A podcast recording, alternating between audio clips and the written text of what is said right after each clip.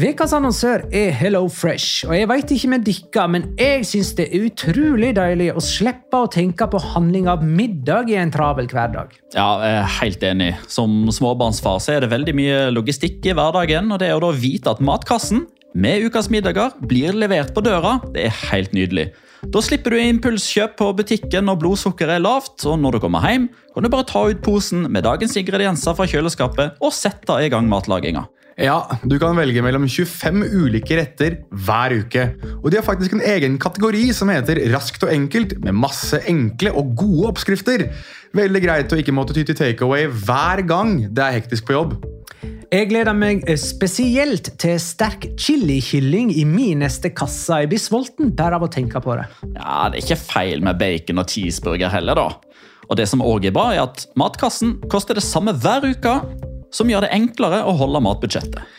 Ja, og så blir det ikke matsvinn heller, fordi du får akkurat det du trenger til hver eneste rett.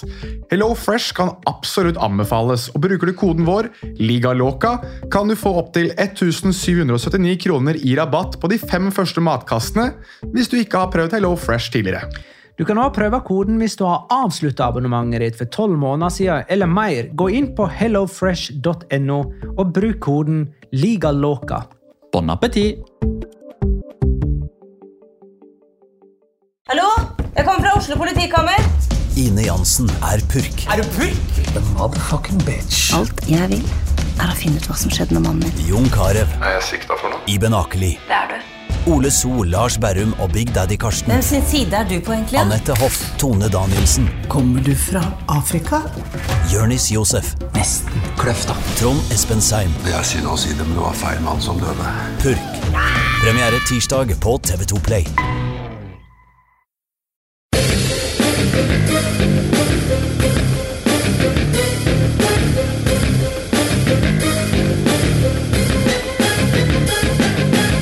Har du sett? Det vanligste resultatet i sesonginnledningen er 1-1 og 0-0, og både Atletico og Sevilla bidrar med sitt i så måte, selv om den store flaggbæreren for nevnte resultat er Villarreal. Og Real Madrid holdt på å tryne på med Steia, men så skåra Benicius igjen. La liga loca. En litt gærnere fotball. Ja, ja, ja, dette er La Liga Loca episode 175 av det ordinære slaget med Jonas Giæver, hei. Shalom in the home. Petter Wæland, hei. Hallo. Eh, hvordan, hvordan staver du det nye merkevarenavnet som du hadde i introen der? BNI med aksent. Ja, CIUS. ok. Da var det ute på Twitter fra La Liga Loca-kontoen. Den skal trende worldwide i løpet av ei uke. Og Magnar Kvalvik, hei. Hei, Magnar. Hei. Til.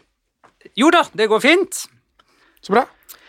Var det småtalken for denne gangen? Ja, var ikke det det? Har du, tenk- kom, har du kommet deg etter gårsdagens uh, skuffelse? Mm. Skal vi se Sevilla Real Sociedad, da? Eller omvendt, mener du? Ja. Ja, det, det har jeg faktisk. Ja, ok. Um, Flott. Det, det kom seg ganske raskt, Ja. egentlig, med Real Betis, Español og Valencia, Ja. Real Madrid. Det går alltid en fotballkamp som får deg til å få, glemme den forrige fotballkampen. Er det en sånn greie vi kan uh, vurdere å trademarke på en eller annen T-skjorte eller noe? Det går alltid en fotballkamp? Mm. Sånn, nei, jeg bare prøver å tenke. Litt sånn marketing her. Du vet. Ja. Genius, trending, osv., osv. Jeg prøver å, prøver å få oss til å være kule med kidsa og sånt noe. Vi er kule med kidsa, vi, vi trenger ikke prøve engang. Nei, det er sant. det er sant. Vi går i ett. Street cred. Eh, vi er kommet til runde fem av La Liga. Og dette er runde fem kamp for kamp. Celta Vigo Cádiz 1-2. Ett poeng på fem kamper for Celta Vigo, som liksom skal være med og kjempe om Europacup, men som aldri har en god sesongstart. Codet lever veldig farlig som Celta Vigo-trener, men det hadde vært kult om styret var tålmodig nok til å vente til november med å sparke han, sånn at de bevarer den novembertradisjonen sin. Dette er Celta Vigo sin dårligste sesongstart siden 82-83-sesongen. Ja. Hva, hva, hva, tenker vi? Er det når er sånn At ikke vi lærer med det sesongtipset. Nei, men er det Nei, altså, ok, vi to Vi to litt. Rem. Nå setter jeg ting i halsen her, for at du og jeg, Magnar, vi er, vi er on board med den Celta Vigo rett ned. Det er han Ja, andre men- på andre siden av bordet som hver eneste sesong lurer oss ut på det Ja, skråplanet. Ja, men jeg, jeg begynner å lure litt. Kanskje jeg har misforstått hele konseptet. Jeg trodde vi skulle tippe tabellen etter 38 kamper. Jeg har kanskje misforstått. Og jeg så du mener at Celta Vigo med det greiene her at, Så de, de bytter trener, og så skal de oppover på tabellen?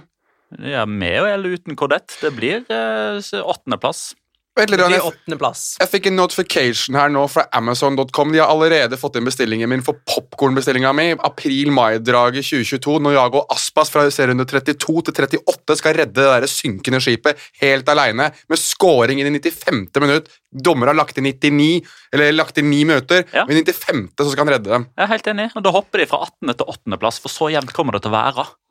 Vet du hva? Ikke den verste taken du har hatt. Det er. Cádiz hadde 22% ballbesittelse i denne kampen, og det er nok. Jeg, jeg klarer ikke å bli enig med meg selv om, om Cádiz. På, på en måte så misliker jeg det så sterkt, det de holder på med. Men samtidig så syns jeg at de, altså de eier det så grassat òg. Da blir det liksom, da blir det litt ok òg, da. Det du merke til i det 85. minutt her, når eh, altså, Åpenbart, de var jo litt febrilske her, men da Isak Karselen fikk ballen ut på sida, på sida ja, der Og han, altså ganske uprovosert, og egentlig uten noe særlig press på seg, bare kelka den ballen utover sidelinja. Fordi, bevares, noen kunne faktisk mistenkes Kadis for å ville spille fotball. Men det var jo sånn de tok storskalpa forrige sesong òg. Hvor mange Ja, men det var ikke hadde like kanskje ekstremt. litt mer ballbesittelse på Valdebebas, der de slo Real Madrid. Ja. Men eh, det lå på 20-tallet, det òg, mener jeg. Ja, ja. Så, sånn er. Cádiz. eh, Vi må ha kontraster i eh, La Liga. Det er jo ikke så mange lag som kjører 80% ballbesittelse lenger. Altså, Celta Vigo må jo kanskje være det laget som har hatt ballen mest i en og samme kamp denne sesongen, med sånn 78. Ja, for Cádiz har har jo hatt minst. Så det, Ja. ja.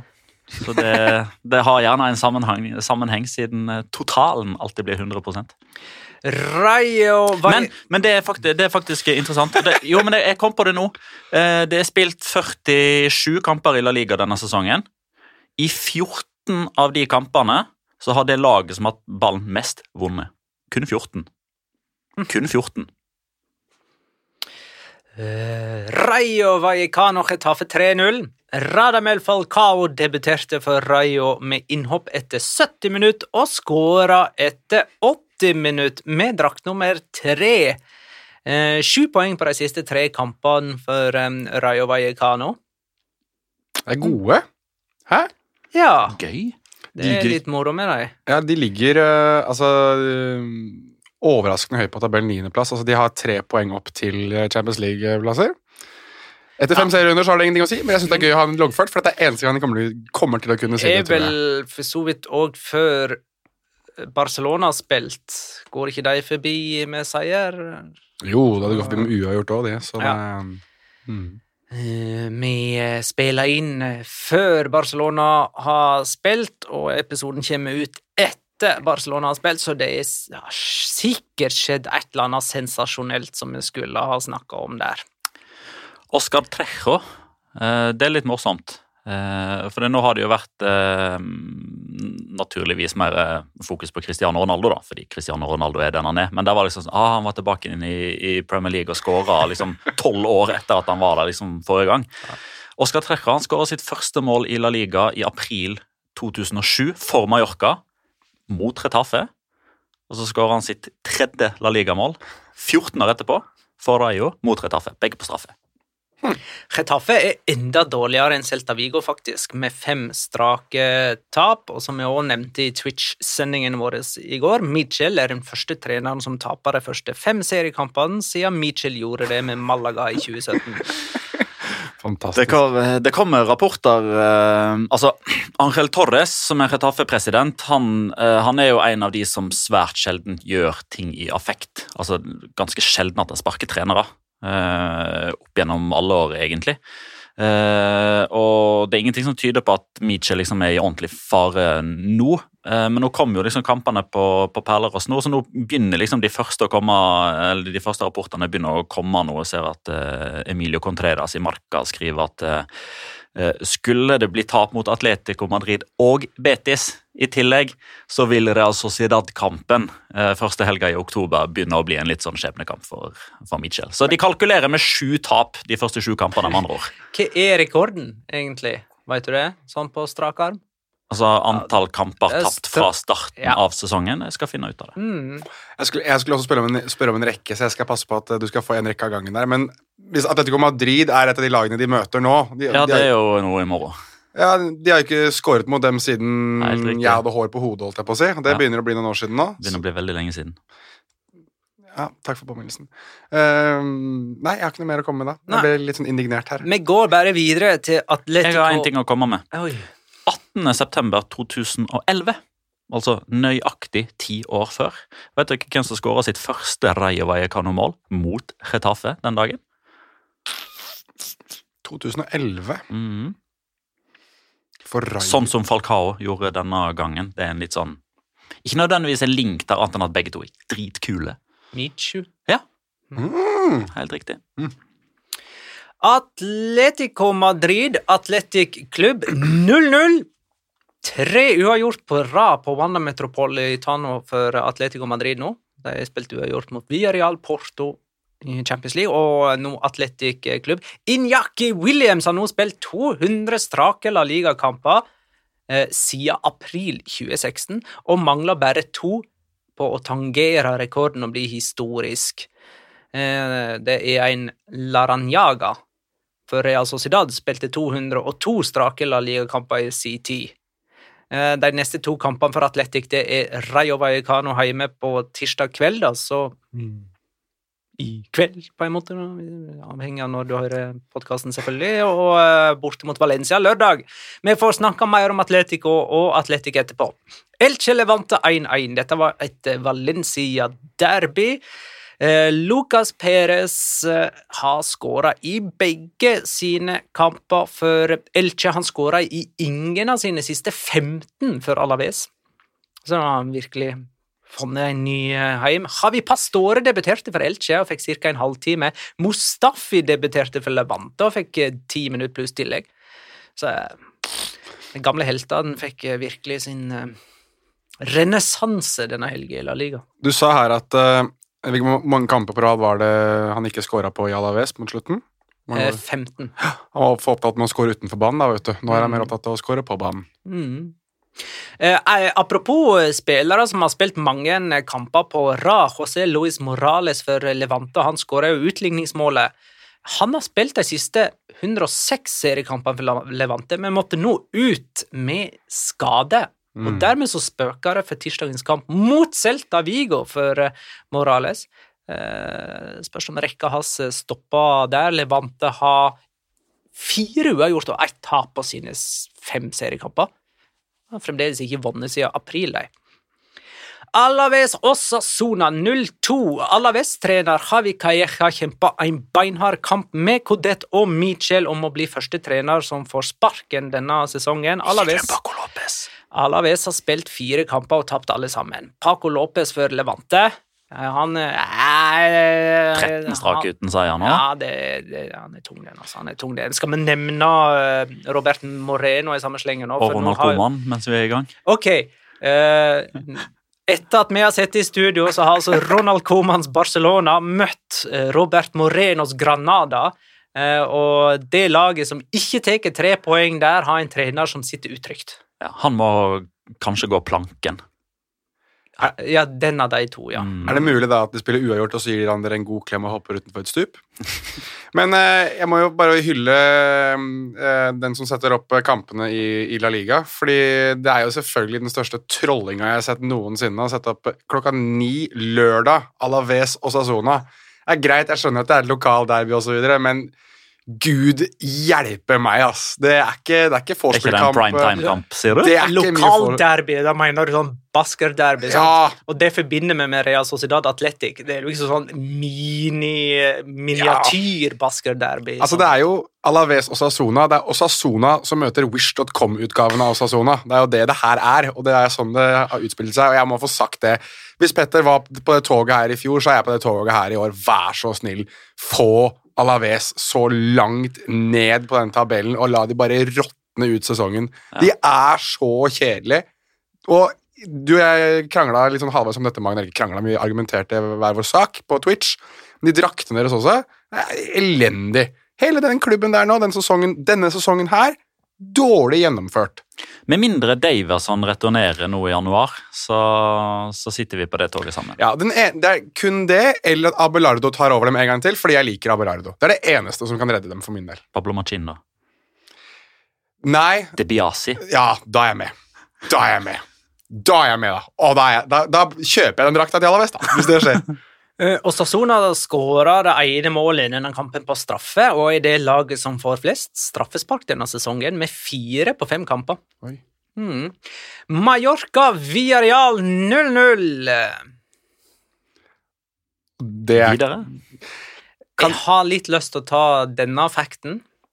Under Unai Emeri er det vanligere, eh, er det vanligere at eh, Villarreal spiller uavgjort enn noe annet. På 42 kamper så har de 17 uavgjort, 15 seire og 10 tap. Er det mulig å bare Er glasset halvfullt, eller er det halvtomt? ja, det er øyet som ser, og øret som hører. Ja. Er det mulig å, å få eh, en sånn oppsummering av den kampen? her skjedde jo etter rundt sånn ti minutter, når Idrisso Baba fikk ballen sparka direkte i skrittet. Det så så altså For en som har sittet og for, forklart den smerten, Magnar, på eh, live-TV, så den, Du trenger ikke å ta den en gang til, men jeg bare, du har jo faktisk eh, foreviget deg i det at du faktisk har gjort det. Eh, Jeg følte litt på den smerten da Jeg husker ikke hvem det var, som kelka Var det Mano Trigueros, kanskje? Nei, en, Jeg husker ikke i en eller annen som bare kelka den ballen direkte i penisen til um, Idris Obaba. Det så så vondt ut. Det var så vondt at dommer Del Cero Grande blåste av, eller blåste for stopp idet ballen traff han. Han skjønte at her trenger vi litt tid, ja. Det er gjerne en sånn forsinka smerte eh, Ja. når du får ballen der, men av og til så skjønner du liksom at nå kommer jeg snart til å få så jævlig at jeg bare legger meg og dør med det samme. Nydelig. Ok, eh, jeg er ikke helt ferdig med Sju uavgjorte kamper nå, for vi har det altså med endt uavgjort. Sju uavgjorte kamper som er endt uavgjort. Sju uavgjorte kamper Som er endt uavgjort. som er endt uavgjort. Bra. men, eh, ja, men altså, de har bare spilt seks denne sesongen. Ja, men de hadde uavgjort i den siste kampen mot Manchester United Ja. forrige Og så hadde de, spilte de jo uavgjort mot Chelsea i supercupen, og så tapte de til slutt på straffekonk der. Men alle denne sesongen har altså endt uavgjort i uh, cuper og serie. Mm, det er første gang i dette årtusenet at et lag starta La Liga med fire strake uavgjort. Det har ikke skjedd siden 1998. Real Sociedad Sevilla 0-0. Er dette en kamp de har lyst til å snakke mer om, eller skal vi bare rydde den unna i eh, kamp for kamp-segmentet? Skal ikke vi bare ta og rydde den litt unna, med mindre vi skal eh, gå litt mer inn i Sørloth sin situasjon? Nei, vi kan godt si Sørloth starta for Real Sociedad og skaffa de straffe i det 26. minutt, og så redda Bono straffesparket til Oyarzabal. Og så ble eh, Alexander Isak utvist, Ja. hadde jeg nær sagt. Han ble skada. Mm. Og det Da heisa med det norske flagget til topps og jubla for Sørloth. Jo, men det er jo ikke bare vi som gjør det. Det gjør jo, eller skal ikke skal jo på ingen måte si at de jubler over det, men Marka stadfester jo eh, i en eh, artikkel eh, som ble publisert mandag ettermiddag, at nå er liksom Sørloth er liksom det store håpet til Real Sociedad nå, som de må klamre seg til offensivt. Eh, for Alexander Isak er skada. John Caricaburo, som for øvrig ser ut som en million på B-laget, han er òg skada, så han får ikke muligheten til å skinne nå. Isak ut med skade, som sagt. Eh, Carlos Fernandes er ute med langtidsskade. William Chassé skårer jo ikke for eh, Real Sociedad lenger, siden han er i Real Betis. Og eh, Bautista ble jo òg leid ut. Så det er jo, si det. det er jo bare det er jo bare Sørloth nå. Ja. Så nå, nå, nå er det liksom Du skal ikke se bort ifra at når eller hvis den klausulen blir trigga neste sommer og Sørloth er en suksess Hvis det skjer, så skal man ikke se bort ifra at det starter nå. Eh, og det på mange måter var litt fordi han fikk muligheten av fordi de tre innhoppene han har hatt nå, har vært ganske bra. Mm. Eh, Imanol Alguacil var jo fra seg av begeistring på pressekonferanse etterpå og snakket om hvor mye han ga laget i eh, innsats og duellstyrke og måten de kunne variere spillet sitt på og måten han hausa publikum opp på med sin spillestil. Men òg fordi nå nå må han spille tre-fire kamper fra start. Eh, med mindre de plutselig skal begynne å legge om og spille med falsk nier og sånn. Men hei, David Silva er jo òg ute. Så det blir nei. Det blir nei. Um, Sevilla uh, har laga fire straffespark på de siste to kampene sine og bare sluppet inn ett av dem. Uh, spør du meg, så er Sevilla det dårligste laget som enda ikke har tapt. Ja, jeg vet at du er veldig Men jeg vil, jeg vil egentlig spille litt videre på det Petter var inne på på Twitch. eh, som jeg Den der forvandlinga til Diego Carlos er ganske fascinerende. Um, altså Jeg ble sittende og- reflektere litt, for så gæren er jeg. At selv etter Twitch-sendinger så sitter jeg og tenker over de tingene vi har pratet om på Twitch, og egentlig for så vidt den podkasten her òg. Men der, den derre monsterstopperen som Diego Carlos var kjent for før covid, altså da han var så å si uh, en vegg alene, litt sånn, nesten litt sånn Nicolas Otamendi i Valencia over hvordan han spilte da, for så å bli Eliakim Mangala i Valencia etter covid. Det er liksom Det er en av de mest merkverdige sånn, transformasjonene jeg har sett fra god til dårlig av en midtstopper. Jeg vet ikke om, om det er noe som er sammenlignbart, det. Han gir jo bort straffer hele tida! Hele Ja, tida! han gjør det. Han har eh, Det er, det er liksom det, det er to spillere i La Liga nå de siste fire av sesongene som, som, som skiller seg ut der. Det er Gine Dakonam og det er Diego Carlos. Ja. Eh, de har laga jeg lurer på om det er åtte-ni straffespark en av de siste tre-fire sesongene. Eh, Altså, er Dakonam har ti, og Ja. Diego Carlos har ni. Ja. Men da kunne han Eh, og den eneste det. som har mer der, er jo Inigo Martinez, som vel har laga 13, men han har jo gjort det over en mye lengre periode. Men Dakonam skal jo på en måte gjøre det, eller Gené skal jo gjøre det, for han spiller for et lag som spiller på den måten med høy risiko, og som er egentlig bare skal sparke i stykker motstanderen, mens Ja. Diego Carlos spiller jo for et ganske fintspillende og veldig ofte dominerende lag, men Mm. at han da havner ut på skråplanet hver eneste gang, nesten. Men jeg, jeg så en, eh, en statistikk her, så jeg skal forsøke å finne den eh, fram igjen. Det var Oppda som kom med den, eh, med flest straffespark laga i topp fem-ligaene Ja. de siste fem sesongene. Og der lurer jeg på om fire av seks i toppen her var fra Spania. Det var Diego Carlos, det var Jené Daconam, Jos Condé lagde en god del. Eh, og så var det én til som ikke kommer på i farten. Eh, men det har jo med å gjøre litt at det er flere straffespark som blir dømt i La Liga Ja. enn andre steder. Altså Lista er lavere, eller situasjonene er flere. alt dette. Kan det ha vært Le Normand, siden han eh, Nei, lagde straffe ikke. hver serierunde i en periode her? Ja, men det var bare den avgrensa perioden, virker Ja, det som. Og så har jo han bare spilt i La Liga et par sesonger fast, så han har liksom ikke så mye å slå i bordet med sånn sett. Jeg- snitt så ligger han nok høyt oppe. Jeg tipper enten Stefan Savic eller Diego Llorente. Nei, det var ingen av de to. Nei, ok. Og ikke Inigo Martinez. Nei, fordi det er over en lengre periode. Nei, men uh, Det endte altså 0-0 mellom Real Sociedad og Sevilla, og som jeg sa i innledningen eh, 1-1 og 0-0 er det vanligste resultatet i eh, La Liga. Begge har forekommet åtte ganger. Her var den. Eh, spillere som har lagd flest straffespark i de store ligaene siden sesongstart 2019-2020. Og da er Jené Dakonam faktisk ikke med, for han lagde mesteparten av sine i 18-19-sesongen. I tillegg til at han har to allerede denne sesongen. da. Men Diego Carlos ti. Mark Bartra sju. Jules Condé og Robben Duarte seks. Robben Duarte, ja. Mm. Mark Bartras, fytte rakkeren, der snakker vi sånn Alle trodde han skulle være the second coming av Gerard Piquet, og så ser du Han er jo Mosho Betis oppsummert. Tilbake igjen til 1-1 Ja, jeg beklager. og 0-0, som altså begge har forekommet åtte ganger. Det vil vel si 16 ganger da, 1-1 eller 0-0. Og sa ikke du, Petter, nettopp at eh, det var spilt 47 kamper? Ja. Så en tredel da, av oppgjøret enda 1-1 eller 0-0. Eh, Real Betis Español ble 2-2. Eh, Litt artigere der, tross alt. Eh, William José skåra sitt første mål for Real Betis. Aleix Vidal skåra sitt første for Español. Her tok Betis ledelsen i det fjerde tilleggsminuttet i første omgang. Da tok de ledelsen 2-1 ved Nabil Fekir. Og så utligna Cabrera for Español i det sjuende tilleggsminuttet av andre omgang. Det skjer mye i tilleggstiden i Spania i disse tider. Eh, Blant annet fordi at det er ufattelig mye tilleggstid. Um, Det, det, morsomme, det morsomme her var jo Hvis du tenker på Español Ja, ja, som, eh, som tapte tapte sin kamp mot Atletico i forrige runde med en, eh, et baklengsmål i det niende tilleggsminuttet. Og da la du ut den tweeten. Ja, det var akkurat det jeg skulle til å spørre. Er det, er det, er det bare jeg som er dårlig til å sjekke, eller? For jeg, for jeg, jeg ser ikke noe tweet fra Spanjol her med Hæ, åtte minutter! Jeg, jeg, jeg ser ikke. Det kan, det kan hende at det er bare jeg som er dårlig til å lete. Altså. Nei, men nei, men, nei, nei, nei, nå må du være det, altså Den tweeten de la ut den gangen, så skrev de at ti minutter er, er, er lagt til. Vi er sikre på at dette her kommer til å være kriterier som legges resten av sesongen også. Litt sånn, selvfølgelig litt sånn sarkastisk. Ikke noe undertone i det hele tatt der. Nei, men, ikke noe sånn men- skjult kritikk. Ikke noe sånn 'her ble vi robar, robar, robar'. Nei, nei, nei, jeg er enig med deg, men jeg synes jo måten de ordlegger den tweeten på, så kan jeg si det er fint å se at det legges samme kriterier i alle andre kamper òg. Men det var åtte minutter som var lagt til da i andre omgang. Ja. så tolv tilleggsminutter til sammen, da. Ja, det var faktisk ikke flest i serierunden engang.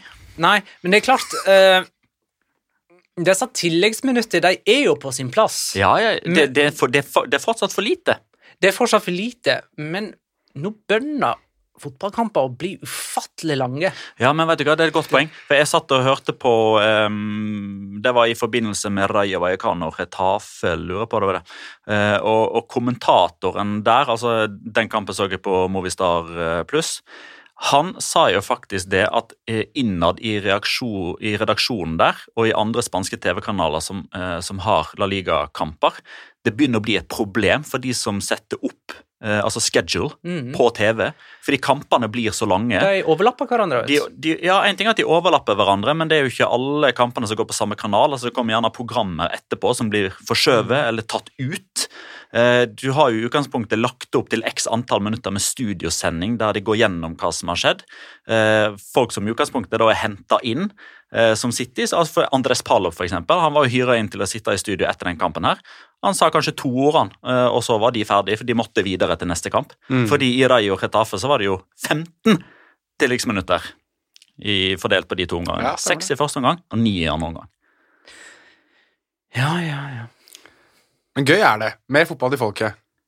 Men altså, tenk hvor kaos det hadde vært da, hvis det hadde vært sånn som når vi jobba i Kanal Pluss eh, og Seymour. Da var det jo kamper eh, 14, 16, ja. 18 Nei, eh, 16, 18, 20, 22. Ja, men det begynte med bare Det var to timer mellom hvert avspark. Det var klokka husker fem den, og sju. den, den eneste gangen de gjorde et unntak fra det, den eneste gangen, det var den berømte tennisballkampen på Ramón Sánchez Pizjuan. For da gikk El Clásico klokka 20.00, og i stedet for at Sevilla Levante starta 22, så starta den 22.15. For det måtte være studio etter El Clásico. Og da ble den eh, kampen ytterligere utsatt fordi hele eh, vens, altså hele mm, den altså supporterskaren til Sevilla som står på venstre side av TV-skjermen Biris Norte. Kasta ut masse tennisballer ut på banen, og så opp med banner etterpå. Vent, de er ikke ferdig med studio på El Clásico ennå. Ja, jeg husker det. Jeg husker det Dere blir det veldig digresjonsheavy her nå, men eh, jeg er ganske sikker på at La Liga, og da eh, resultatet da dere, gjorde at jeg gikk opp masse vekt i løpet av den tida der. For at jeg rakk aldri å løpe og, og lage meg noe mat, eller noe, så jeg bestilte så mye mat på døra. Så når det var pause, og sånn, så hadde jeg tima inn når jeg fikk pizza og burger. og Kunne sånn ha på døra. bestilt en salat da, Jonas.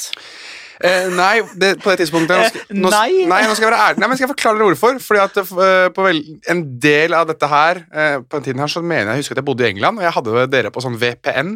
Um, Ulovlig, altså. ja. Ehm, og eh, du kan Altså, du å bestille salat i England, det tør jeg. Eller turte jeg rett og slett ikke. Men, men alt annet gikk rett ned i kakehullet. Valencia Real Madrid 1-2. Ja, hva var det jeg sa? Benicius med scoringa. Men jeg, jeg, jeg, jeg, jeg var ikke helt ferdig. Du har mye på hjertet i dag, du. Ja, men eh, jeg skal gi en liten blomst til Herman German Petzella for eh, måten han oppførte seg på etter at han ble utvist. Ok. Eh, Hvor hen er vi nå? På Real Betis Espanol. Akkurat. Var ikke det den vi holdt på med? Jo. Snakk om tilleggstid og diverse. Han ville videre han til Valencia Real Madrid. Ja, Greit. men, jeg had, eh, ja, men jeg hadde, det er lenge siden vi snakka om den kampen. egentlig Vi har kommet inn på tennisballer, kostholdet til Jonas Ja, det eh, blir noen digresjoner og noen avstikker her, men tilbake til Betis Espanol, da, for jeg har lyst til å bare gi litt cred til Herman Petzella, som i motsetning til alle andre fotballspillere som blir utvist, som protesterer, som drøyer med å gå av banen, som ber dommeren gå og se situasjonen på nytt og kan ikke forstå at det har gjort noe galt. Herman Petzella ok, han var kanskje ikke helt enig. Han forklarte liksom med kroppsspråket sitt at nei, dette er jo bare et hendelig uhell. altså vi, vi kommer borti hverandre, begge går etter ball og jeg er uheldig.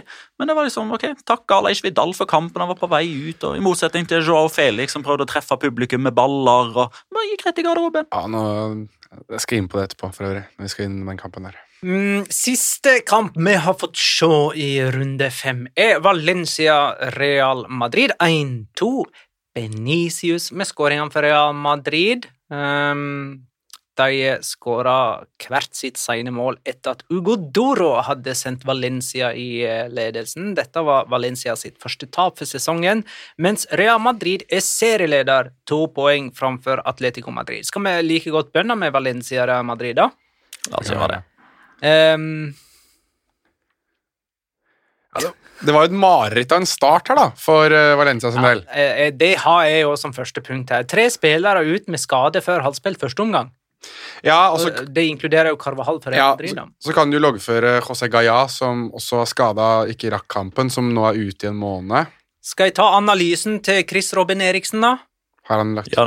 Han er jo Ja, Valens. Valencias supporter. Før kampen så var venstresida til Valencia skada ved Gaia og eh, Cheryshev.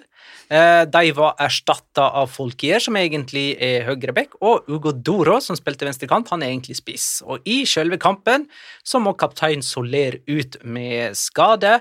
Og Thierry Correa må ut med skade, og da innenfor han kommer Lato, som så bytter backplass med Folkier. Og likevel ser ikke laget prega ut, eh, ifølge Chris Robin Eriksen. Eh, I 80 minutter syns han at Valencia er bedre enn Real Madrid, som hang veldig i tauene. Los Che var først på omtrent alt og sto med et så høyt press at sjøl Klopp hadde nikka i anerkjennelse. Ja, Jeg er enig i det. Jeg er enig. vi, leter lyttere for å slippe til med så omfattende analyser som dette. Nei, dette var en veldig god analyse. Det er Chris Robin Eriksen. Og tydeligvis så var også PP Bordalas enig i det, fordi han sa vel etter kampen at de spilte 75 perfekte minutter. Og så var det to øyeblikk som egentlig ødela kampen for dem, men at det er så utilgivelig som fotballen er. Uh, altså De tillot jo Real Madrid inn i kampen mot slutten, og, og Real Madrid er dyktige, altså. og Vinicius, altså jeg vet, jeg vet ikke hvor mye jeg skal snakke om ham, men og begynner å se bra ut, ass. Det der Venicius-greiene. Jeg er ikke helt på toget riktig ennå. Det er ikke fullstendig Men du begynner, du begynner å nærme deg Oslo S nå. Jeg begynner å høre i det fjerne, men, eh, men det er Altså, han er god, altså. Når han virkelig får litt rom, og de valgene han tar med ballen nå Nei. Altså Han kom til flytsone òg. Ja. Altså, der han før enten bare bomma eller traff noen motspillere, så gikk liksom ballen alltid feil vei. Mm. Eh, nå er det vel i alle fall to av de skåringene her som man kan kalle litt sånn marginale, da, altså har hatt marginene med. altså Blant annet denne mot Valencia som går eh, via Dimitri Folkier. Eh, han er Og det, dette her er litt sånn du tror det ikke før du hører det eller ser det. Eh, fordi man har jo alltid snakka om Venezia som en type som ah, brenner sjanser, holder ikke hodet kaldt. Han er den mest treff, treffsikre fotballspilleren av alle i toppligaene denne sesongen. Han har skutt 13 ganger, han har skåra fem mål. Det er det 35 var det, altså, Lewandowski, glem det. Haaland, få det bort. Altså, Det er Venicius som topper den lista der. det er én som er foran. Ja Hvis du regner de som har fire skåringer, fire skåringer eller flere, det er én som er mer. Hvem da? El Barashani. Ja, han sa Ja, stemmer det. Stemmer det, stemmer det. stemmer det. El Barashani har flere. Han har fire skudd. Hvor var det jeg leste at eh, Vinicius var på toppen da? Det vet jeg ikke, men uh, han er på toppen i, uh, i flere, flere overførte betydninger. Real Madrid er på toppen av ligaen også, og Valencia har ikke sett bedre ut enn det de gjør siden Hold oss til en ting nå, på Venicius. Jan Markus Hjertås skriver hvor mye av æra skal Ancelotti ha for det Venicius driver med, og kan han få i gang Jovic òg? Det er vel å be om litt mye. Ja, jeg syns det. Jeg syns det. Er det ikke litt sånn der, eh, holdt på å si, eh, ånd i lampen? Du får bare tre ønsker, og det er Ja. litt i overkant å be om Jovic, liksom. Skal, skal han få liksom og god, og liksom Hvor mye ansvar skal man eh, gi Angelotti, liksom? Ja, men jeg, jeg, vi kan i hvert fall gi Angelotti det at Og det her har han jo alltid vært god på. Det er jo å få de individuelle spillerne til å fungere. altså Til å få de til å føle seg verdsatt og få de til å fungere individuelt sett. Og der kan det jo være at han har eh, truffet noen knapper med Venezia Junior som ingen andre trenere har gjort. eller altså Zinedine Zidane og eller, Han har vel hatt Julen Lopetegi, Zinedine Zidane og Santiago Solari, og ingen av de klarte det. Hadde han ikke akkurat Julen Lopetegi òg? Jeg tror han hadde det. Jo da, han var så vidt innom det òg. Ja. Men dette har vi jo snakka om, at det, i den store sammenhengen så er det kanskje ikke noe mer som skal til enn en sånn liten tilfeldighet. da. Altså en, en liten sånn eh, altså Det lille klappet på skuldra og den lille trygghetsfølelsen som man kan få. altså den, den, siste, De siste ordene som Angelotti velger å si til Venicius før han går ut på banen, da, kontra de siste ordene som Zidane sa, eller kanskje ikke, sa. Altså, eh, jeg, altså, jeg gleder meg til eh, det første liksom sit down-intervjuet med Venicius, der han snakker tilbake igjen om da det virkelig starta, da det virkelig tok av. Når han skal avsløre hva var det Angelotti sa. Det gleder jeg meg til. Eh, Eddie Il Grande hilser oss fra Brasil og lurer på om eh, Real Madrid har overbevist oss til å endre tabelltipset vårt, ettersom vi hadde Real Madrid som nummer to og ikke som serievinner. Eh, først og fremst veldig hyggelig at vi har lyttere som enten er på, er på ferie eller er, bor i Brasil. Det syns jeg er litt moro eh, i disse Venicius-dager. Eh, for å svare på spørsmålet nei. Tror fortsatt Atletico Madrid vinner ligaen. Men, spør, men jeg har et spørsmål tilbake igjen. Bodde han i Brasil i utgangspunktet, eller er det, eller er det Venicius-feberen som gjør at han har flytta dit nå? Helt sikkert det siste der. Det hadde vært så rått. det.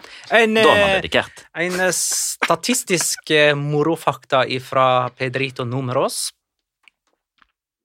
Capello, vet du, Ja. var jo Real Madrid-trener. Men nå sammenligna med italienske Real Madrid-trenere. Capello eh, hadde 50 seire og 12 tap eh, som Real Madrid-trener. Det ga to ligatitler. Ancelotti har 60 seire og 11 tap, og det har ført til andre- og tredjeplass. Jøss. Mm. Ja, men uh, Capello var uh, trener i Real Madrid i ei anna tid, får Ja. man vel si. Det var før det liksom Han var det, men han, Barcelona og Real Madrid sklei av gårde. men han eh, klarte ikke 18 bortekamper på rad i La Liga uten tap. Nei. Capello. Det klarte ikke Ancelotti eh, heller, Ikke Ancelotti klart i første perioden, men nå har han bidratt litt til den rekka som Zidane eh, satte i gang. De har jo tangert klubbrekorden fra 97 og 2016 med 18 bortekamper på rad uten tap i La Liga. Tolv 12 seire og 6 uavgjorte. For forrige gang de tapte, det var på Mestalla. Det var det. Det var det Carlo Carlos Soler som hadde straffebonanza. 4-1. Mm.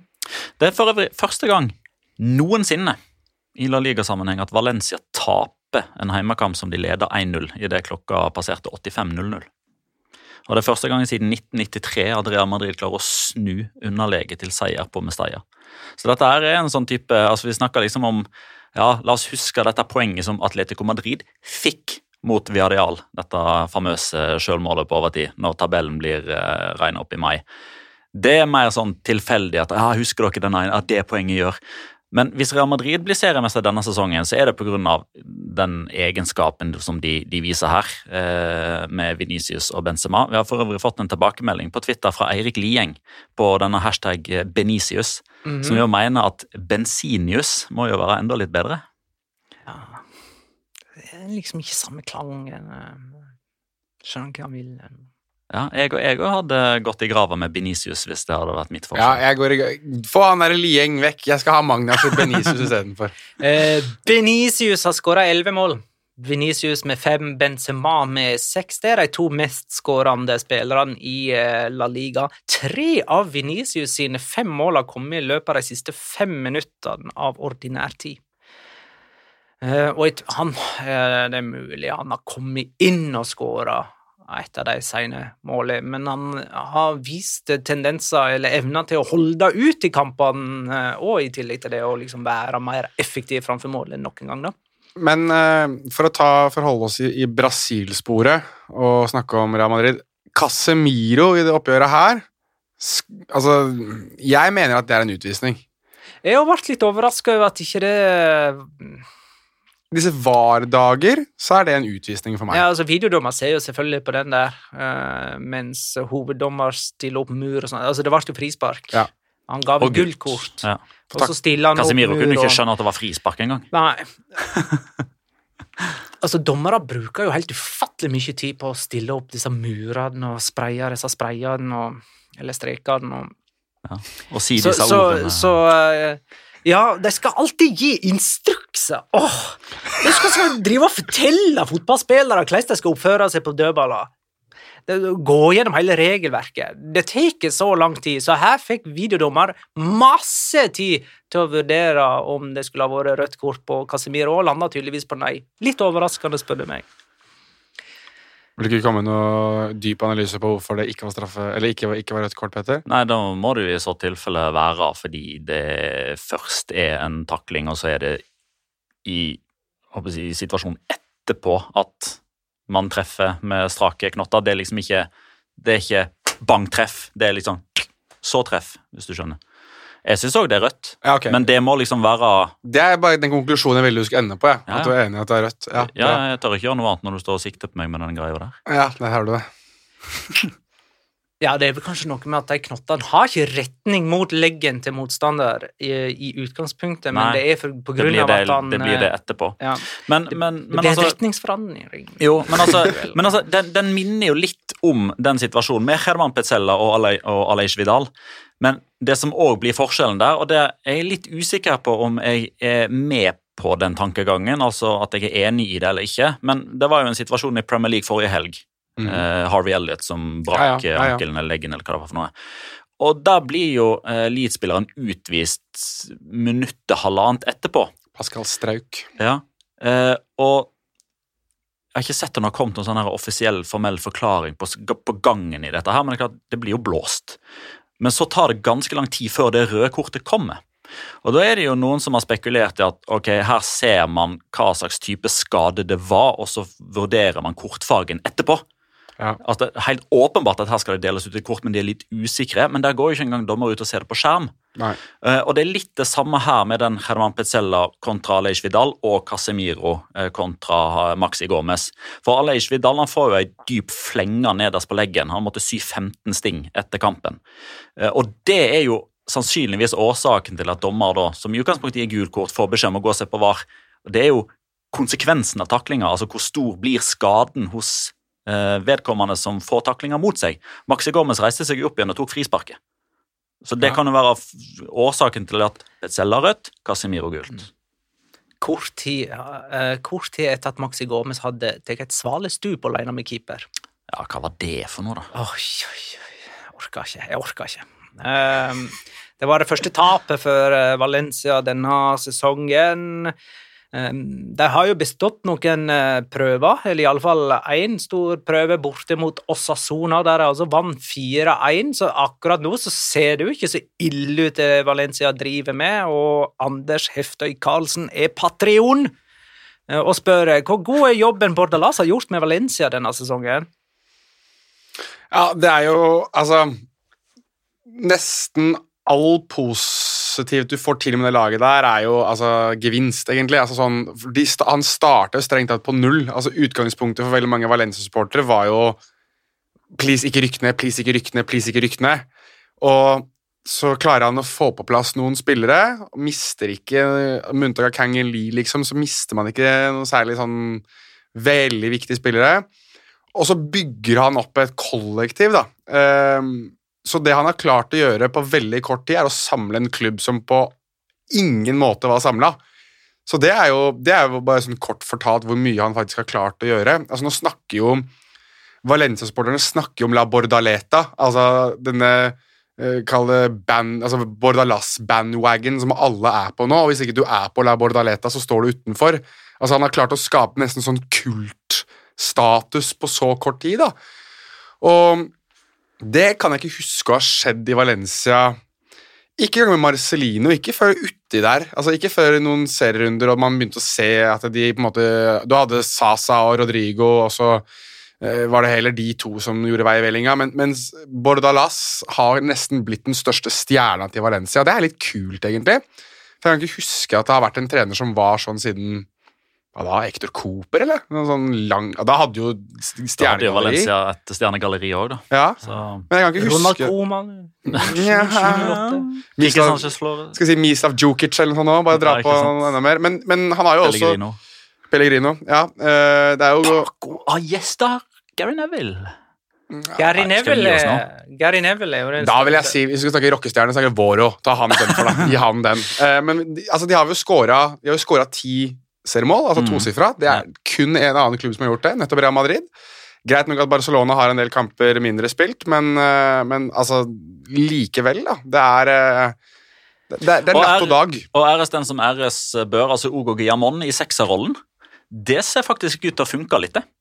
Ja, Det ser faktisk ut til å funke Jo, men mot Alaves òg, Ja så var han veldig god. Han var ikke dårlig mot Asasona heller. Og det virker som at den der eh, litt sånn halvnonsjalante arrogansen som han har når han spiller stopper, når han ikke er så veldig mye involvert Han får, rett han, han får ikke tid til å Gi faen. gi faen når han er sentral på midten. Jeg ser hvor du skal hen. Jeg ser hvor du skal hen. Jeg gjør det. Um, er det noen som vet hvor lenge Carlos Soler er ute? Nei, det er for tidlig. Han og Thierry Correia eh, skal ha sånn komplementære prøver eh, utover dagen i dag og i morgen. Men det virker ikke som at verken altså, eh, Thierry Correia, José Luis Gaya og Carlos Soler er nok alle ute de to andre kampene som blir spilt denne uka her. Så Ja. Sevilla borte på onsdag kan jo bli Vi skulle ha twitcha på den kampen der, eller? Ja, vi skal jo det. Ja, vi skal jo det. Sevilla, Valencia i vår Så det, blir, det blir vel ikke nødvendigvis stygt eh, når man ser hvordan Sevilla holder på for tida, men at de nok reiser derfra uten poeng, det skal man ikke se bort ifra. Og da er jeg spent på hva slags knapper Bordalas er kapabel til å trykke på. Den kampen der blir så stygg, den. 0-0. Da har jeg advart. Ett rødt kort eh, i hver retning. Eh, Erling Gamst lurer for øvrig på om Valencia er det eneste som har tivolimusikk på stadion. Nå skal jeg sjekke hvem som dømmer den kampen der. Det minner meg om oppladningen til eh, 17. mai. Der du liksom er hører etter det korpset som egentlig ingen bryr seg om før det er liksom 17. mai. Altså, det der hornmusikkorpset til, til Valencia-supporterne, eh, det pågår jo mens det er store sjanser, og det, det virker egentlig som ingen bryr seg om at den musikken er der. Det er Det liksom høres ut som noen driver over til 17. mai. Det er liksom vilkårlig når de begynner å spille òg. Ja. Det er liksom ikke noe sånn, det er ikke noe sånn i minutt 15, 30, 45, 60, 75, 90. Det er mulig det er et system på det. Jeg har bare ikke lagt Ja, det bare, men det er plutselig så begynner Så hører du bare masse hormusikk. Jeg, jeg elsker det. Jeg syns det er kjempemorsomt. Sanchez Martinez er det som dømmer kampen eh, på onsdag, så da er det jo bare å stålsette, stålsette seg for at eh, i alle fall Gabriel Paulista er en av de som ryker. Fant du ut hvor mange eh, strake tap som er rekorden et eh, Nei, eh, altså maks eh, antall tap i La Liga er tolv. eh, men Fra start av. fra start av vet jeg ikke. Ah, altså, lengste tapsrekka er tolv. Men det Mitchell er i ferd med å Hvem gjøre, det? Hvem er var det? 12? Hvem var Las? Palmas på 50-tallet. Okay. Eh, men en rekord som faktisk er litt sånn innafor å ta for Mitchell. For han har jo tapt sine ni siste kamper i La Liga nå, for han tapte jo de fire siste i Malaga før han fikk fyken der. Det er jo den rekorden til Paco Gjestadan, som hadde elleve på rad for Valencia, og så tapte han de fire første for, Valen nei, for Las Palmas, eller noe sånt, så han er jo oppe, på, oppe og nikker på 15. 6 og 5. Det var, det var ganske, delt ganske broderlig mellom de to klubbene, hvis jeg ikke husker helt feil. Nei, Paco Gjestadan har flere tapere enn det. Nei, nei, men de var, ganske, de var delt veldig, de to eh, 28, da. Ja, da må det være noe sånt. Eh, Atletico feila igjen. De spilte 0-0 hjemme mot Atletic eh, klubb. Og hvis Atletico er La Ligas beste lag på papiret, så er de fremdeles til gode å vise det i praksis. ja, De spilte noen god kamp, de. Jeg er enig. Jeg vil, altså Dette var litt sånn som med Real Sociedad og Sevilla. Det var en kamp som lovet ganske mye, syns jeg. Sånn basert på at det er to klubber som har hatt ja, altså Atletic har jo på en måte prestert det, vi kan kalle kanskje overevne, mens Atletico Madrid har vært stabilt gode til helt ok til middelmådig. Altså, de har liksom ligget de har aldri noe lavere enn fem på skalaen, syns jeg. Um, så jeg tenkte at det her kan det bli kjempegøy, men så er det en ganske nitrist fotballkamp. Um, der Atletico Madrid igjen viser at de kanskje er litt sånn ikke, Jeg vil ikke si at de er taktisk naive, men jeg lurer litt på hva er plan B for dem nå. Altså Før så hadde de jo ikke noe plan B da de spilte 4-4-2 kompakt, tett, jevnt, eh, kontringer. Nå skal de spille den derre fine tre- treeren bak 3-4-1-2, 3-4-2-1, hva enn du ønsker å kalle det. Og når det ikke funker, så har de ikke noe å falle tilbake på. Det er liksom Hva er plan B? Plan A en gang til.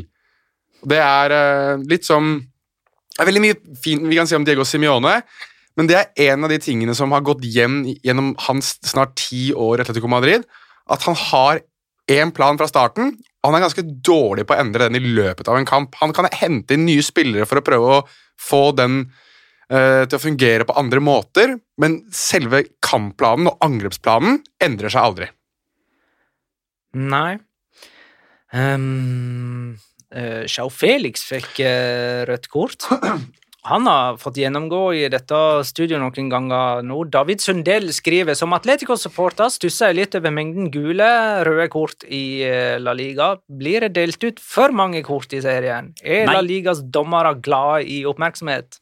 Ja, det, det, det tror jeg ikke man kommer over. Men, men, men det handler jo ikke nødvendigvis om de spanske dommerne. Det handler jo om å være spansk i utgangspunktet. Altså glad i å være et midtpunkt og, og prate og være en del av begivenhetssentrum. Det som skjer, og kroppsspråk. Altså, det er jo en del av kulturen der nede. Og det er jo ingen som får flere kort enn eh, Atletico Madrid i sesongstarten. I alle fall ikke på, på det tidspunktet da denne kampen var ferdig. Da hadde Atletico 22 gule og to røde. Ja, Men bare for å holde oss til den serierunden som er her nå, da. Så er det spilt eh, åt, ni kamper av serierunden. Barcelona-Granada gjenstår. 62 gule og to røde. Kan jeg, kan jeg bare få lov til å hylle Joe Felix litt grann her nå?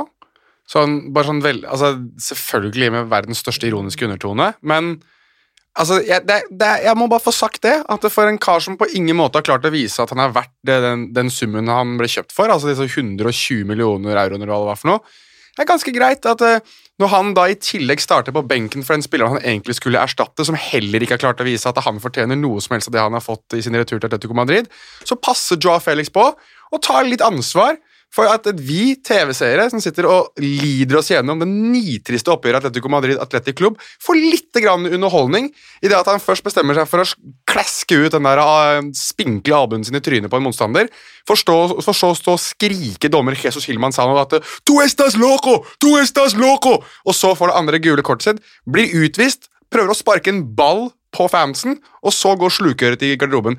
For det øyeblikket der, og for de minuttene med underholdning Joao Felix faktisk uh, gir oss, så hyller jeg ham. Takk for at du endelig tar litt fuckings ansvar.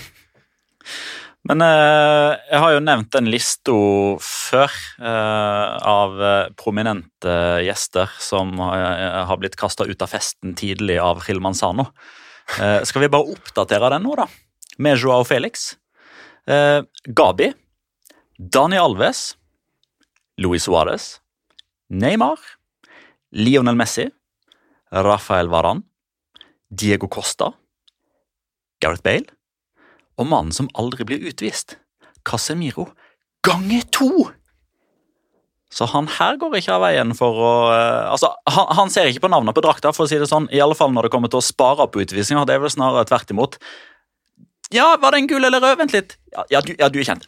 Rødt. Jeg vil bare få sagt, Nevnte du Sergio Ramos der? Han ble ikke blitt utvist av uh, Gilman Sand. Så der er det en som glimter med sitt fravær. Mm. Ja, ja, okay. Glimrer. Glimrer med sitt fravær. Der er det riktig. Uh, nei, men skal vi ta og kåre runden spiller, da? Det kan vi godt gjøre. Mm, jeg, har vel, jeg tror jeg har tredjeplassen der. Uh, Det er Manolo Reina, Mallorca sin 36 år gamle keeper. keeper. Han holdt nullen mot Villarreal med et par skikkelig gode redninger, faktisk. Eh, Og spesielt på den ene avslutningen til Bolaidia. I denne kampen så hadde begge lag sjanser, men Mallorca bomma på mål, mens Villarreal ble nekta skåring av Manolo Reina. Så eh, tredjeplass til han. Ja, Jeg har vel andreplassen, jeg, da. Og litt av grunnen til hvorfor han Nei, har du det? Er det ikke jeg som har det? Nei, ja, jeg lurer på om han skal få førsteplassen. Altså. Skal du Altså, faktisk gjøre det? Ja, ok. jeg lurer på det. Ok. Ja, for Nabil Feke får andreplassen. For han, han hadde en kjempegod kamp, men vi er på mange måter litt vant til det. Eh, altså, Hvor mange ganger har vi ikke hørt deg eh, trekke fram eh, hvem Nabil Feker egentlig er, eh, på disse kunstgressbanene rundt om, og han som kommer med ballen og som stikker av gårde med ballen når han ikke får viljen sin. videre. Jeg synes det er perfekt uh, sammenligning. Men han har, han har fem avslutninger. Uh, han har 90% pasningssuksess. Han har fire vellykkede driblinger. Han har fire såkalte key passes. Han skårer et mål. Han er liksom klink umulig å ta ballen fra. Uh, og Det er det som er så fascinerende med Nabil Fekir. Enten så er han en sur, våt promp, eller så er han rett og slett bare skikkelig, skikkelig god. Ja, den kampen der var han skikkelig, skikkelig god. Ja. Rundens spiller blir jo en type da, som spilte kun 20 minutter, men gud hjelpe meg hvor gøy det var å se de 20 minuttene med en tiger som brøler på Vallecas igjen. Altså, jeg kjente at jeg var tenåring igjen. Jeg kjente at det var gøy å se fotball. Eh, altså, den derre gutteaktige entusiasmen du får overfor fotballspillere, det fikk jeg litt, kjenne på lite grann igjen når colombianske Radamel Falcao, uten knær sikkert, men og mye kortere manke enn det han hadde sist gang han var i La Liga, eh, er ute på Vallecas alle baner med drakt nummer tre. Uh, bruker ikke spesielt lang tid på å hamre ballen i mål. Det tok vel en drøye ti minutter vel, før han hadde notert seg for sin første nettkjenning i La Liga-returen. Og det som er så deilig med Radamel Falcao, dere, det er feiringene hans. Det er altså, Hele mannen er jo følelser, og han står og skriker med hele kroppen. Og når jeg virkelig sier at det er et tigerbrøl, så er det et tigerbrøl. For han har ikke noe tigersprang lenger i kroppen, det tåler ikke de knærne hans, men han har brølet. Og tydeligvis også så har han entusiasmen og viljen til å kanskje være den som gjør, sånn som du var inne på, Petter, at Rayo Vallecano har en målskårer som også gjør at de vedlikeholder sin plass i La Liga også 2022-2023. Men kan det hende at vi var vitne til et aldri så lite historisk øyeblikk òg? Eh, for han, han, debuterte jo, eh, og så skåra han etter ti minutter. ti minutter vi sa. Det tok altså da ti minutter og fem sekunder ut i karrieren, liksom, i Rayo. Så kyssa han klubbemblemet. Ja, det, det noterte jeg meg. Og det var sånn alle andre Dere vet jo at jeg, jeg, klikker på feiringer. Altså Jeg blir jo forbanna på feiringer og sånn folk som ikke feirer alle mulige ting. Men akkurat når det kom til Radamel Falcao, så tenkte jeg Nei, ja, han får lov til å gjøre som han vil? Ja, men litt fordi at, det, som jeg sier, mannen er bare følelser. Altså Det tok bare overhånd. Øyeblikket tok så overhånd for Radamel Falcao, og spesielt det var så gøy fordi Uh, husker, oh, hva heter han for noe, han klubbpresidenten i Rayo? Uansett, han hadde... Presa. Raúl Martin Presa. Selvfølgelig. Uh, han hadde jo sammenlignet uh, overgangen til Radamel Falcao til Rayo Vallecano med, da, uh, med at hvis de skulle ha signert Pelé. Så jeg syns det er litt gøy at Pelé har da levert for Rayo. Da er det tid for Locora! Ukens La Liga Locura. Locura. Locura. Locura. La Liga Locura. Jeg kan ta først der, siden vi er inne på Radamel Falcao, og min locora er Radamel Falcao-relatert. Han ble jo presentert som Rayo-spiller på torsdag i forrige uke framfor 2500 supportere på Vallecas. Eh, men da Rayo-president Raúl Martin Presa skulle holde tale i den anledning, så ble han overdøvd av supporternes protester. Eh, for det at de vil nemlig ha hans sitt hode på et fat. De, de, er helt eh, ok med at Falcao er signert, men eh, presidenten vil de altså ha vekk. De misliker han ganske intenst, og det har de gjort en stund. Og spesielt etter at han inviterte partilederen av det høyreorienterte partiet Vox til Vallecas forrige sesong, til en kamp mot Albacete, så er det forholdet der nå ikke til å reparere. Rayo-fansen er som kjent ganske venstreorienterte, og det å invitere en høyreorientert politiker til et stadion der det ikke var lov av publikum engang på det tidspunktet, det kan ikke tilgives, og da hjelper det heller ikke å smiske med en signering av Radamel Falcao. Det er ganske utrolig faktisk at Presa fortsatt er president. Hans, uh, han er veldig insisterende. Var det ligger kanskje litt i navnet hans, da. Presa, Presi. Men, ja, men var det den gangen Jeg mener jeg så noen bilder av det da dette skjedde, da Rayo-supporterne møtte opp i sånn derre Ja, de desinfiserte ja, sånn hazmat ja, ja. som sto desinfiserte. Ja. Det, det, var basilla på hele stadion, og de måtte renske han rein fra høyreorientert politikk. Og det, uh, den Vox-lederen ble jo invitert Eh, til kampen mot Albacete i anledning den der Sosulia Ikke det han den heter? Ja, Roman Spilleren som eh, Rayo-fansen eh, eh, mener er nazist. ny nazist. Og Det er jo for øvrig den eneste kampen i Spania som har blitt avbrutt pga. ting som har blitt ropt fra tribunen. Uh, alle disse rasismesakene har liksom De har ja, bare sagt på spiker. Det er Dropp det, og så har de liksom spilt videre. Mm. Men eh, den uh, nazistgreia, den, den stoppa de kampen for. Stemmer det. Eh, neste Jeg kan ta min, jeg. Mm. Eh, siden jeg var litt inne på det, at jeg skulle tilbake med Marcelino eh, Jeg syns det er helt greit at Eller greit, det er veldig fint, syns jeg, at spillere bytter drakter. Eh, en, uansett når de gjør det. Når de gjør det til pause, syns jeg det er litt dumt at de gjør det så alle ser. Det kan man vente med den der garderoben. Jeg skjønner det. Men det er et eller annet som ikke sitter riktig når treneren til motstanderlaget spør en av stjernespillerne om han kan få drakta. Og Det kan godt være at eh, Marcelino uh, skulle ha drakta til Luis Suárez fordi barna ville ha det, eller et eller annet sånt noe, men det er noe så pinlig og patetisk å gjøre det foran alle kamera. Du er trener for Atletic Club, du er på besøk på Wanda Metropolitano. Du går ikke bort til Luis Suárez og ber om drakta hans. Det, det, det, det må du holde deg for god for. Og det kjente jeg at det, bygget seg opp en sånn, der, sånn ordentlig frustrasjon i meg da jeg så det. At faen, du pisser jo på din egen klubb ved å gjøre det. Det- Så det er min locora. Det er den andre treneren som ber om uh, spillerdrakt fra motstanderlaget. For det gjorde Luis Garcia Plaza overfor Mallorca da de møtte Real Betis i serieåpningen. Da ba han om drakta til Joaquin. Mm. Og det hadde vi også som locora, faktisk. Ja. Den tok jeg. Ja. Mm.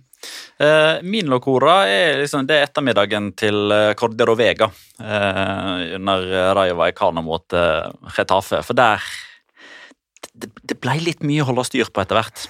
Her kommer det. Eh, altså Vi har nevnte det tidligere. da, altså Til sammen da 15 tilleggsminutter. Altså seks minutter tillegg i første omgang, ni minutter tillegg i, eh, i andre omgang. Eh, en av årsakene til at eh, det ble eh, en del tilleggstid i første omgang, var jo en, en VAR-sjekk eh, som man måtte ha. Eh, og i andre omgang så var det òg en VAR-sjekk.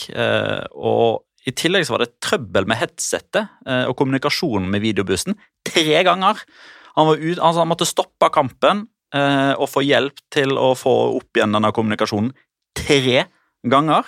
Men da det virkelig rant over for Cordero Vega, når han bare skjønte at nå, nå er jeg rett og slett ferdig, nå må jeg bare bli ferdig med denne kampen her, det var da han delte ut det tolvte av de totalt 13 gule eh, kortene.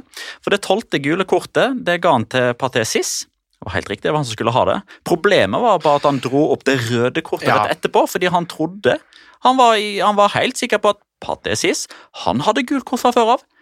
Eh, og no, noen ganger så finner man litt sånn logiske forklaringer på det. Altså, Man kan ha eh, kjennetegner, drakt altså, eh, For eksempel så kunne drakt nummer 21 hos Retafa fått et gult kort fra før av. Så når han liksom krysser av på 21, så kan han se feil. da, og tenke, ja, dette er jo det andre gule, Men Juan Iglesias hadde jo ikke gult kort fra før av.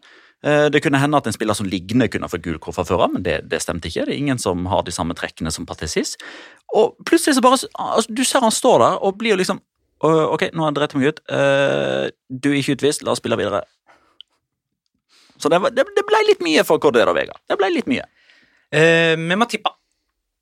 Forrige kamp vi tippa på, var Valencia-Real Madrid, som endte 1-2 med Ugo Duro som første målskårer. Jeg hadde 1-2 med Soler som første målskårer. Da får jeg tre poeng for riktig resultat. Ja. Sju poeng har jeg da. Jonas hadde 1-0 med Maxi Gomez som første målskårer. Det er null poeng. Du har null poeng. Petter hadde 0-2 med Benzema som første målskårer. Det gir ett poeng. Du Jeg har ett poeng. Jeg er faktisk tippingens Mitchell, jeg har funnet ut nå. Jeg er tippingens eh, Kodette. Jeg kommer råsterkt på tampen. Jeg har bestemt at vår neste kamp er Valencia mot Athletic Club. Altså ikke midtvekerundekampen, eh, men en kamp til, som kommer til helga. Det er lørdag klokka 16.15. Valencia får besøk av Atletic på Mestalla, med Marcelino tilbake der. Eh, og jeg tipper først. Jeg sier 2-1 til Valencia. Mm, Giamon. Oi! Nå har du blitt cocky her, eh, Magnar. Nå er ledelsen Nei, din litt for stor.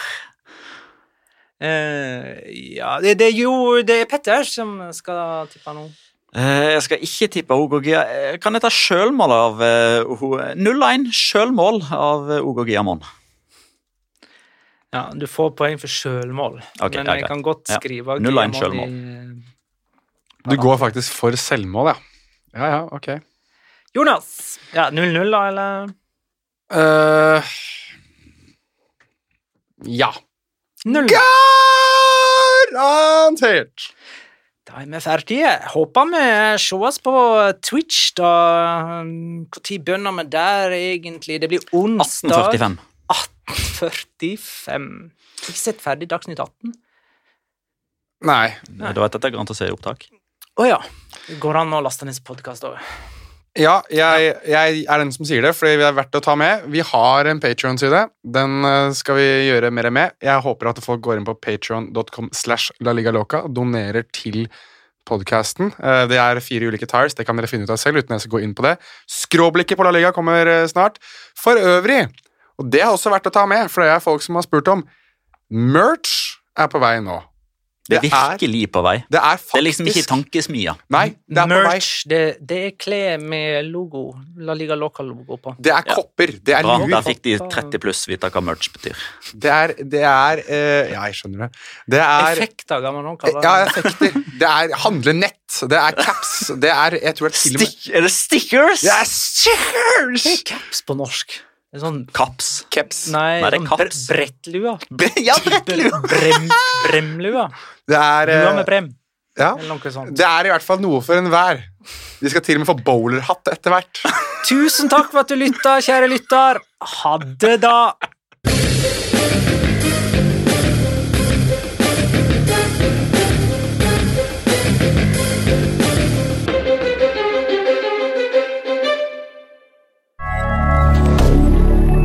Moderne media. Har du et enkeltpersonforetak eller en liten bedrift? Da er du sikkert lei av å høre meg snakke om hvor enkelt det er med kvitteringer og bilag i fiken, så vi eh, gir oss her, vi. Fordi vi liker enkelt. Fiken superenkelt regnskap.